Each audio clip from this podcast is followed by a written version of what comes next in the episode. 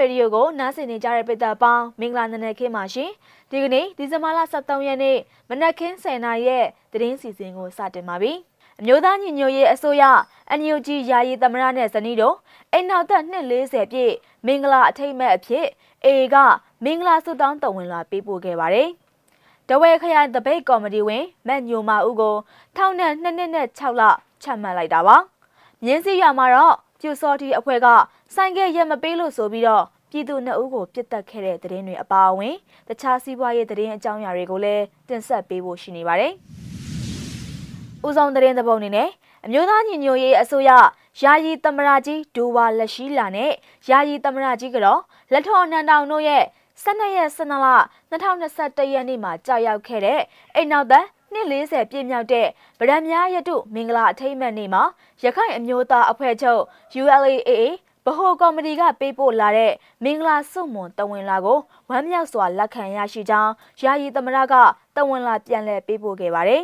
။မင်္ဂလာစုမွန်တဝင်လာမှာစုတောင်းထားသလိုမျိုးပြည်ထောင်စုမြန်မာတနိုင်ငံလုံးရဲ့အမျိုးသားလွတ်မြောက်ရေးအောင်ပွဲရယူနိုင်ရေးအတွက်အမျိုးသားညီညွတ်ရေးအစိုးရတိုင်းရင်းသားမဟာမိတ်မိတ်ဖက်အဖွဲ့အစည်းတွေနဲ့အတူလက်တွဲပြီးတော့တက်ရှိကျမ်းမာစွာနဲ့ ဆက်လက်တာဝန်ထမ်းဆောင်သွားမယ်ဖြစ်ကြောင်းယာယီသမရရဲ့တဝင်လာမှာဖော်ပြထားပါတယ်။ပြည်ထောင်စုမြန်မာနိုင်ငံမှာအမျိုးသားတန်းတူညီမျှရေးကိုပိုင်ပြဋ္ဌာန်းခွင့်အပြည့်အဝရရှိရေးနဲ့လွတ်လပ်တဲ့လူအဖွဲ့အစည်းတရက်ပေါ်ထွန်းလာရေးအတွက်အာဏာရှင်စနစ်ပြုတ်ကျရေးတော်လှန်ရေးခရီးမှာရခိုင်အမျိုးသားအဖွဲ့ချုပ် ULAA နဲ့ပါအတူလက်တွဲကြိုးပမ်းဆောင်ရွက်သွားလိုကြောင်းအလေးနဲ့ကတိပြုရေးနဲ့ မင်္ဂလာစုံမွန်တဝင်လာကိုပေးပို့လာတဲ့ရခိုင်အမျိုးသားအဖွဲ့ချုပ်ကိုအထူးဝင်ကျေးဇူးတင်ရှိပါကြောင်းဝမ်းမြောက်စွာနဲ့ပြန်ကြားအကြောင်းယာယီသမရရဲ့တဝင်လာမှာပြန်ကြားထားပါတယ်။ဆက်လက်ပြီးတော့တဝဲခရိုင်တပိတ်ကော်မတီဝင်မက်ညိုမာဦးကိုထောင်နဲ့2နှစ်နဲ့6လချမှတ်ခဲ့တဲ့သတင်းကိုတင်ဆက်ပေးပါမယ်။ တနင်္လာရီတိုင်းတဝဲခရိုင်တွေကတဝဲပင်မတပိတ်စစ်ကြောင်းဥဆောင်သူတဦးဖြစ်တဲ့မက်ညိုမာကိုပုံမှန်905ကကြီးနဲ့ဆက်ဆက်ပုံမှန်တွေနဲ့ထောင်နဲ့2နှစ်နဲ့6လချမှတ်လိုက်တယ်လို့မနေ့ကဒီဇင်ဘာလ12ရက်နေ့မှာဒဝဲခရိုင်တပိတ်ကော်မတီကသတင်းထုတ်ပြန်လာပါတယ်။ဒဝဲပင်မတပိတ်စစ်ကြောင်းဦးဆောင်သူမက်ညိုမာဦးနဲ့လူငယ်3ဦးကိုပြီးခဲ့တဲ့မေလထဲမှာစစ်ကောင်စီဘက်ကဖမ်းဆီးခဲ့တာဖြစ်ပြီးတော့ပုံမှန်905ကကြီး ပုံမှန်905ကငယ်တို့အသီးသီးနဲ့တရားစွဲဆိုထားခဲ့ပြီးတော့ဒဝဲအကျဉ်းထောင်အတွင်းမှာတရားရင်ဆိုင်ခဲ့ရတာဖြစ်ပြီးအခုလိုထောင်ဒဏ်ချမှတ်ခံလိုက်ရတာဖြစ်တယ်လို့တပိတ်ဦးဆောင်ကော်မတီကပြောကြားခဲ့တာပါ ဆရာနာရှင်စန့်ကျင်ရေးတပိတ်စစ်ကြောင်းတွေအားကောင်းနေတဲ့ဒဝဲခရိုင်ထဲမှာတော့စစ်ကောင်စီဘက်ကတပိတ်ကော်မတီဦးဆောင်သူတွေနဲ့ပါဝင်သူတွေကိုဇက်တိုက်ဖမ်းဆီးနေတာတွေအပြင်ပြီးခဲ့တဲ့လတွေမှာလည်းတပိတ်ကော်မတီဦးဆောင်သူတွေရဲ့နေအိမ်တွေကိုမိရှို့တာတွေမိသားစုဝင်တွေကိုဖမ်းဆီးခဲ့တာတွေကိုလည်းပြုလုပ်ခဲ့ကြောင်းသက်ဆိုင်ရာတပိတ်ကော်မတီဝင်တွေကပြောဆိုခဲ့ပါတယ်။မြင်းစည်းရွာမှာတော့ပြူစောတိအဖွဲ့ကဆိုင်ကဲရမပေးလို့ဆိုပြီးတော့ပြည်သူနှစ်ဦးကိုပြစ်တက်ခဲ့ပါတယ်။ စကိုင်းတိုင်းရွှေဘိုမြို့နယ်မြင်းစီရွာမှာအကြမ်းဖက်စစ်ကောင်စီရဲ့ပြူစောတိထရောက်တဲ့အဖွဲ့ဝင်တွေကဒီဇင်ဘာလ17ရက်နေ့ည8နာရီအချိန်ခန့်မှာဆိုင်ကယ်နဲ့နေအိမ်ကိုပြန်လာတဲ့မောင်ရစာမင်းထွန်းနဲ့မောင်မိုးကောင်းတို့နှစ်ဦးဟာဆိုင်ကယ်ရမပေးလို့ဆိုပြီးတော့တနက်နဲ့ပြစ်တက်ခဲ့ကြောင်းမြင်းစီရွာသားတွေကပြောကြားခဲ့တာပါအကြောင်းမဲ့ပါပဲ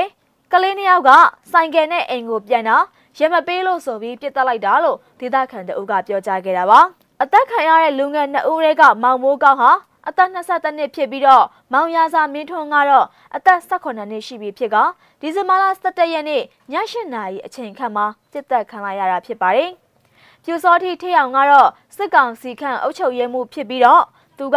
မြင်းစည်းရွာမှာည9နာရီမထွက်ရအမိန့်ထုတ်ထားတယ်လို့မြင်းစည်းရွာမှာနေထိုင်သူတွေကဆိုပါတယ်။ရွာမှာကည9နာရီမထွက်ရအမိန့်ထုတ်ထားပါတယ်။ အသက်ခံရတဲ့လူငယ်နှစ်ယောက်က၈နာရီလောက်ရွာရဲကိုဆိုင်ကယ်စီးမိတဲ့အတွက်သူတို့ကင်းလှည့်ချိန်နဲ့တွေ့ပြီးပြစ်တက်လိုက်တာပါလို့မြင်းစည်းရွာခံသူကပြောကြားခဲ့ပါတယ်။တေဆုံးလူငယ်တွေကိုတော့ရွှေဘိုရင်ခွဲရုံကိုညတနာရီဝင်းကျင်ခန်းကခေါ်ဆောင်သွားပြီးမောင်မိုးကောင်းဟာဦးကောင်းငယ်ထိတ်မှာတနက်တန်ရကြံခဲ့ပြီးတော့မောင်ရစာမင်းထွန်းကတော့ကြည်စံလေပင်ဖောက်ဝင်ဒဏ်ရာနဲ့တေဆုံးခဲ့တာဖြစ်ပါတယ်။စီးပွားရေးသတင်းနဲ့ဆက်ရရင်တော့ ARD တိုင်းထဲမှာ စစ်ကောင်စီလက်ထက်လေသမားအများစုချင်းငွေထုတ်ချီးမရဖြစ်နေတဲ့တဲ့တင်ကိုတင်ဆက်ပေးပါမယ်။ ARD တိုင်းထဲကလေသမားအများစုဟာအနာသိန်းစစ်ကောင်စီလက်ထက်မှာစောင်းစပါးစိုက်ပျိုးဖို့အတွက်ချင်းငွေမရတဲ့အခက်အခဲတွေနဲ့ရင်ဆိုင်နေရပါတယ်။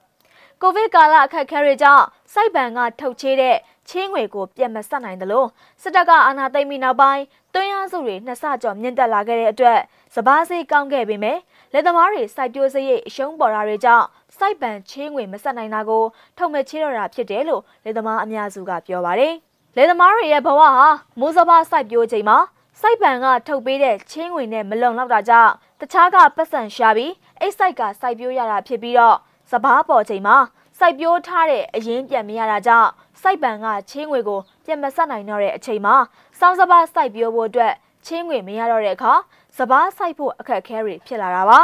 အေယာရီတိုင်းတွေကလေသမားတွေစိုက်ပန်ကချင်းငွေပြန်မဆက်နိုင်တာဟာတခြားအခက်အခဲတွေကြောင့်ဖြစ်တယ်လို့စပားဈေးကွက်ကိုထိန်းချုပ်နေတဲ့ပွဲစားတွေနေရာမှာတောင်သူတွေထဲထဲဝင်ဝင်ပါဝင်လာနိုင်ဖို့လိုအပ်တယ်လို့လေသမားရေးကူညီဆောင်ရွက်ပေးနေသူတွေကသုံးသပ်ပြောဆိုတာတွေလည်းရှိနေပါတယ်။ ARD တိုင်းတွေကလေသမားတွေရဲ့ စိုက်ပန်ချင်းငွေပြတ်မဆိုင်နိုင်တဲ့အခြေအနေတွေနဲ့တခြားကျွေးမီပြဿနာတွေကိုပြည်လည်စေဖို့အတွက်တော့တောင်သူလေသမားအကျိုးစီးပွားမြင့်တင်ရေးဥပဒေကိုလေသမားတွေကိုယ်တိုင်ပါဝင်ဆောင်ရွက်ခွင့်ရတဲ့ဥပဒေတစ်ခုဖြစ်အောင်ပြောင်းလဲပြင်ဆင်ပြီးတော့ဦးစားပေးဆောင်ရွက်မှသာလေသမားတွေရဲ့ဘဝကိုမြင့်တင်ပေးနိုင်မှာဖြစ်ပါတယ်။စစ်တပ်ကအာဏာသိမ်းပြီးတဲ့နောက်ပိုင်းစပားစိုက်ပျိုးရမှာသွင်းကုန်တွေဖြစ်တဲ့ဓာတ်မြေဩဇာဒီဇယ်နဲ့တခြားသွင်းကုန်တွေဟာ ဈေးနှစကြော်မြင့်တန်ခဲ့တဲ့အတွက်လဲဆိုင်ပြောတဲ့တောင်သူအများစုဟာစပားဈေးကောင်းပေမဲ့အမျက်မရခဲ့သလိုချင်းငွေတွေလည်းကြံမသွင်းနိုင်ခဲ့တာကြောင့်စပားစိုက်ပျိုးဖို့အရင်နေမရှိတော့လို့လာမဲ့စောင်းစပားမှာစပားထွက်နှုံးတိတိတသာကျဆင်းလာမယ်လို့တောင်သူအများစုကသုံးသပ်ကြပါတယ်ဒီဇင်ဘာလ23ရက်နေ့မနက်ခင်း7:00နာရီထိနောက်ဆုံးရရှိထားတဲ့သတင်းတွေကိုမြစည်းမရေဒီယိုကနေထုတ်လွှင့်တင်ဆက်ပေးခဲ့တာပါ။နားဆင်ပေးခဲ့တဲ့အတွက်ကျေးဇူးတင်ပါတယ်ရှင်။